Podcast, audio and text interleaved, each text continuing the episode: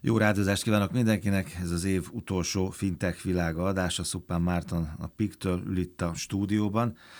A múlt héten már toplistákat elemeztünk, ugye? Toplistákat ismertettél, top tőkebevonások és IPO-k, ez volt a múlt héten, 24-én, most pedig a top felvásárlások következnek. Hát ez legalább olyan izgalmas, mint, a, mint az előző hét. Legalább a robosztus. Azt mondtad a múlt héten, hogy ez új korszak, mert, mert most már tudomásul kell venni, hogy a fintech cégek ott vannak a részvénypiacon, ugye, hogy megjelentek. Én meg nekem az jutott eszembe, csak nem mondtam, hogy tulajdonképpen berúgták az ajtót, mert ott repkedtek múlt Abszolút. héten a milliárdok, meg a 800-900 millió milliós tételek. Hát ebből a, az, az idén tapasztalható iszonyatos likviditásból felszívtak egy jókora adagot. Egy, egy jókora, jókora adagot. jókora egy, egy ilyen izgalmas számot a, a múlt héten nem elfelejtettünk, hanem nem egész egyszerűen nem került rá sor, de van egy ilyen nagyon szép szám, triónk, még az előző adás kiegészítéseként, az első 11 hónapban ugye erre, erre tudunk teljes havi adatokat mondani, majd a teljes évről beszélünk január folyamán.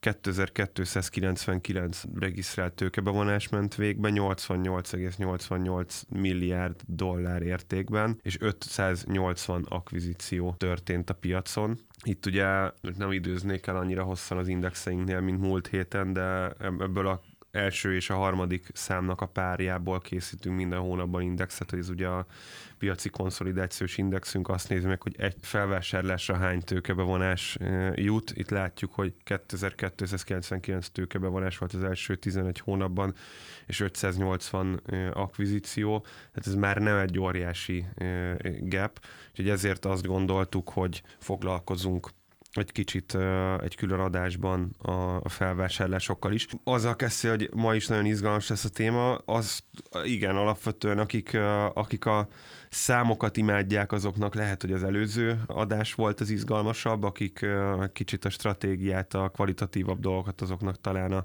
mai, tehát talán mind a kettő hasonlóan izgalmas. Ahogy említetted, már ma a felvásárlásokkal fogunk foglalkozni. Itt kettő toplistát készítettünk ezzel kapcsolatban. Az egyik az egy fintech-fintech felvásárlás. És ilyenre már Magyarországon is volt példa, és, ilyenre és Magyarországon így, néhány héttel ezelőtt. Így van, egy, talán egy igen, három héttel ezelőtti adásunkban beszélgettünk Magyarosi Attilával arról, hogy a, a szintén korábbi beszélgető partnerünk cégét felfalta a Debreceni Barnabás Mr. Coinját megvásárolta a Coinkes. Sajnos a top listára nem fért, nem fért föl, bár attól függ, hogy mi alapján készítjük a top listát egyébként, mert hogyha erő, erőfeszítést nézünk és és, és, és, és, odadást, akkor lehet, hogy ott lenne. Két csoportba soroltuk a felvásárlásokat, hogy az egyik, ahogy mondtam, a fintech fintech, a másik pedig, amikor fintech vesz nem finteket. Ez megint nagyon izgalmas. Szerintem ez a legizgalmasabb egyébként ebből a két adásban vizsgált négy top listából mert nemrég megszületett szektorról beszélünk, és már azt látjuk, hogy vannak olyan szolgáltatók,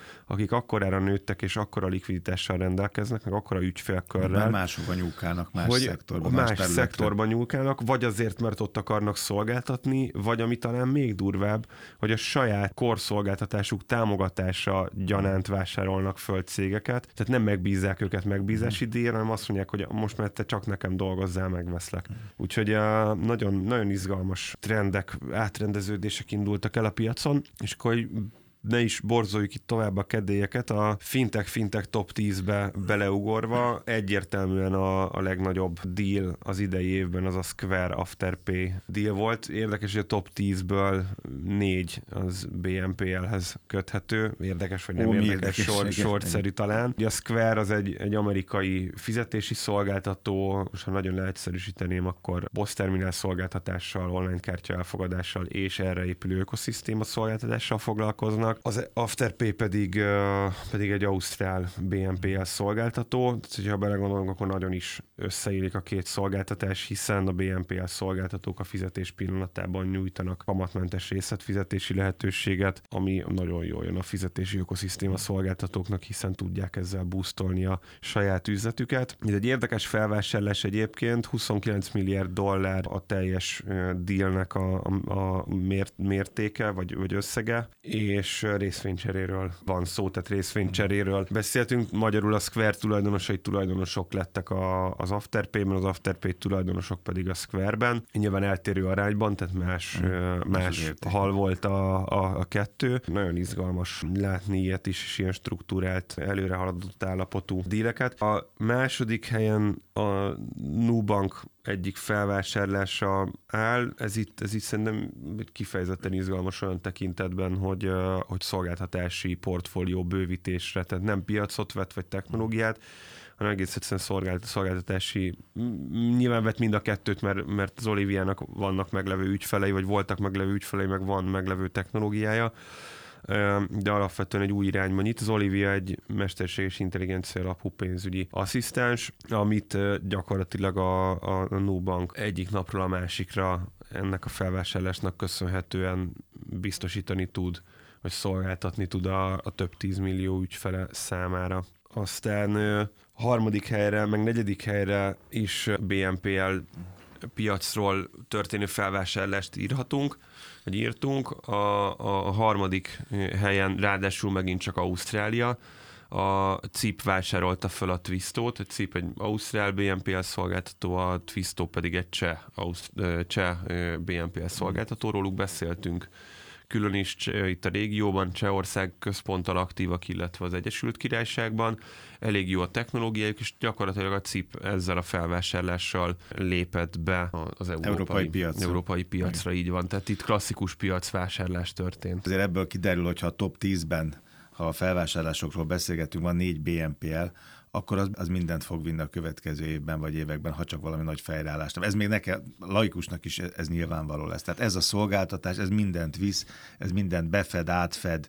Abszolút, abszolút ezt gondolom, egy kicsit szippant. ilyen dzsungelharc van most még, tehát ilyen szabályozatlan ez az egész. Azt nem gondolom, hogy, hogy ez, ez föl tudna borulni, sőt azt gondolom, hogy ha a bankok és egyéb inkumbens pénzintézetek nem lépnek be valamilyen módon a BNPL szolgáltatók körébe, Amit akkor, te már régóta mondasz amit, amit igen, mondok, mondok, meg mondunk egy ideje, akkor nagy bajban lesznek. Mm. És akkor erre rákötve egyébként a negyedik, ahogy az előbb mondtam, a listánkon az is egy BNPL felvásárlás. A jól ismert PayPal vásárolja fel az egyébként, egyébként egészen jól ismert Paydi nevű szolgáltatót, ez egy 2,7 milliárd dolláros tranzakció volt, és uh, gyakorlatilag a, nyilván ezt nem kell bemutatni, a PayPal egy több száz milliárd dolláros uh, cégértékű, gyakorlatilag az ős fintek, hogyha így tetszik, és a több millió ügyfele számára tudja elérhetővé tenni ezt a szolgáltatást, illetve a mögötte meghúzódó technológiát.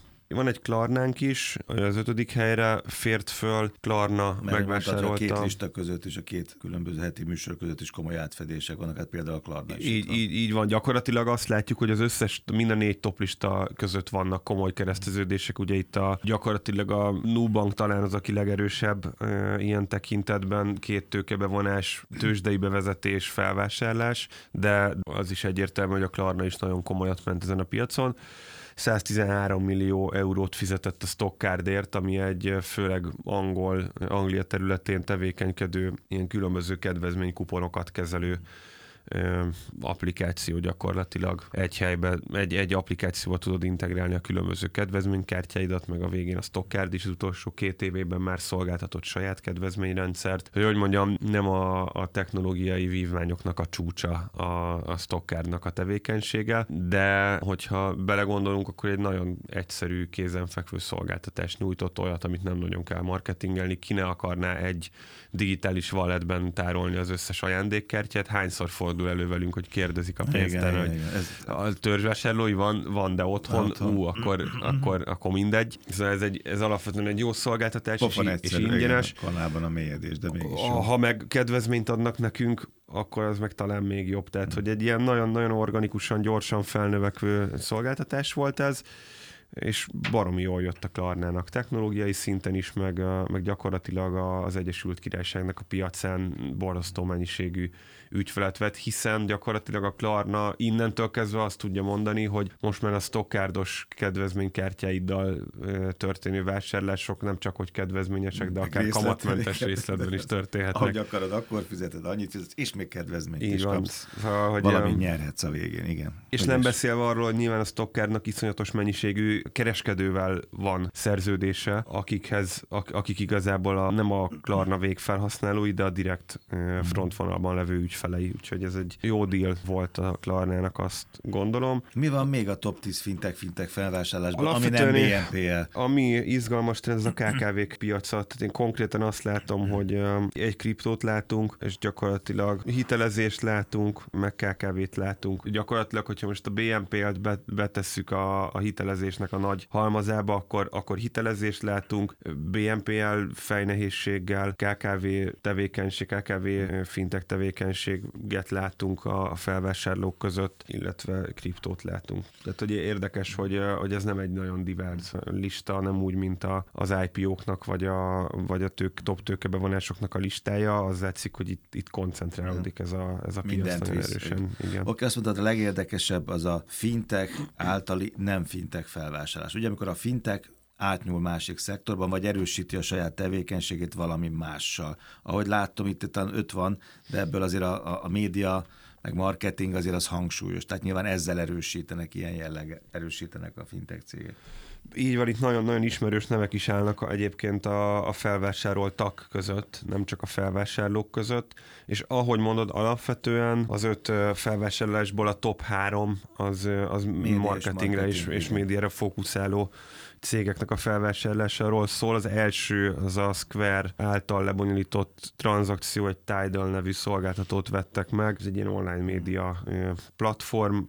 A Square ezen keresztül próbálja még jobban, még hangsúlyosabban disztributálni a szolgáltatásait egyrészt, de Square-nek egyébként itt egy másik érdeke húzódik meg valójában a háttérben, az az, hogy ezeken a platformokon borzalmas mennyiségű tranzakció bonyolódik le. Tehát tulajdonképpen a Square-nek mi azt sejtjük elsődleges indítékként, vagy indítékaként emögött a, a deal mögött, hogy piacot vásárolt magának nem azt mondta, hogy megvesz egy konkurenst, egy kisebb vagy más piacon tevékenykedő, vagy más technológiával tevékenykedő konkurenst, hanem megvásárolt egy olyan piacteret, ahol nem ő volt a fizetési szolgáltató, most így ő lett a fizetési szolgáltató. De nagyobb focipályán tud játszani. Így van, így van. És egyébként vannak ilyen, ilyen hozzáadódó extra elemek még benne. A másik szintén egy amerikai felvásárlás, az egy top 3 egyébként amerikai, a Manilion vásárolta meg a Malka médiát, ami egy online média tartalomgyártó szolgáltató. Az, hogy ezzel mi volt a konkrét célja, az még egy, még egy izgalmas kérdés. Látunk már most olyan, nyilván láttunk kereszteződéseket, meg látjuk ennek az értelmét, de hogy mi ennek az ultimate célja, miért költött el erre egy nagyobb összeget a, a Manilion, aki ugye egyébként meg nem vont be olyan brutális mennyiségű tőkét, hogy például bekerülhetett volna a top 10-be. Érdekes meglátjuk, azért alapvetően az amerikai piac sokkal fejlettebb. Mind a tőkebevonásokban, de főként az M&A dílek mm. tekintetében, tehát hogyha ezt az 580 felvásárlást megnézzük, akkor ott, ott bőséggel több mint 50 ában valamelyik lába, vagy mindkét lába a, a, a tranzakciónak az amerikai. Itt hozza az amerikai piac a kötelezőt, azt gondolom általában ott szokott elindulni a, a piaci konszolidáció. A harmadik az egy nagyon izgalmas terület, az Intuit vásárolta meg, ez egy Squarehez hasonló, picit más területekre is elmerészkedő fizeti, online fizetési szolgáltató, fizetési kaput szolgáltat, de ad KKV-knak egyébként, és itt rejlik ennek a felvásárlásnak az értelme. Ad KKV-knak könyvelő szoftvert, bérszámfejtő szoftvert, payroll szoftvert, gyakorlatilag egy idén is volt szó a Budapest pénzügyi asszisztensről, egy, egy vállalati pénz pénzügyi asszisztens szoftvercsaládot nyújt. A MailChimpet vásárolta föl 12 milliárd dollárért, ami egy brutális méretű deal. A MailChimp pedig egy, most nagyon degradálóan egy, egy e-mail küldő szoftver, és mm. itt ragadnám meg az alkalmat, hogy ebben az adásban is elmondjam, hogy a hírlevelünkre érdemes feliratkozni, annál is inkább, mert hogy MailChimpet használunk egyébként. Úgyhogy ez egy olyan deal, amit, amit hát a dealt azt nem érezzük a bőrünkön, de, de részesei, de részes, részesei vagyunk mi is egy, egy, egy kicsit. Aztán látunk itt, hogy a top 3-ból tovább utazzunk. Sterling Bankot, egyrészt ugye angol neobank, Enbodennek a, a neobankja. Egy nagyon szimpatikus építkezést folytat itt a, az alapító CEO, alapvetően nyereségességre törekednek, sokszor ki is nyilatkoztatja, hogy ő nem hisz ebben a, a, az ingyen. Megszórjuk a piacot termékekkel stratégiában. Ő volt az első egyébként, aki nyereséges évet zárt a, a tavalyi évben a neobankok, az európai neobankok közül nagyon izgalmas, hogy az idei évben ez, ez hogyan változott alapvetően. Van magánszemélyes termékük is, de alapvetően KKV fókusszal mennek, és most pedig egy Fleet Mortgages nevű céget vásároltak föl, befektetési célra vásárolt ingatlan finanszírozással, ingatlan jelzálog finanszírozással foglalkozik. Ez egy viszonylag spe- speciális terület. Én szerintem abszolút érthető a portfólió bővítése mögött, a deal mögött, és nagyon izgalmas ötödik elemet látunk itt, ez pedig az UALA, aki, aki egy, egy argentin neobank, és, és éppen a mexikói piaci meg. terjeszkedésre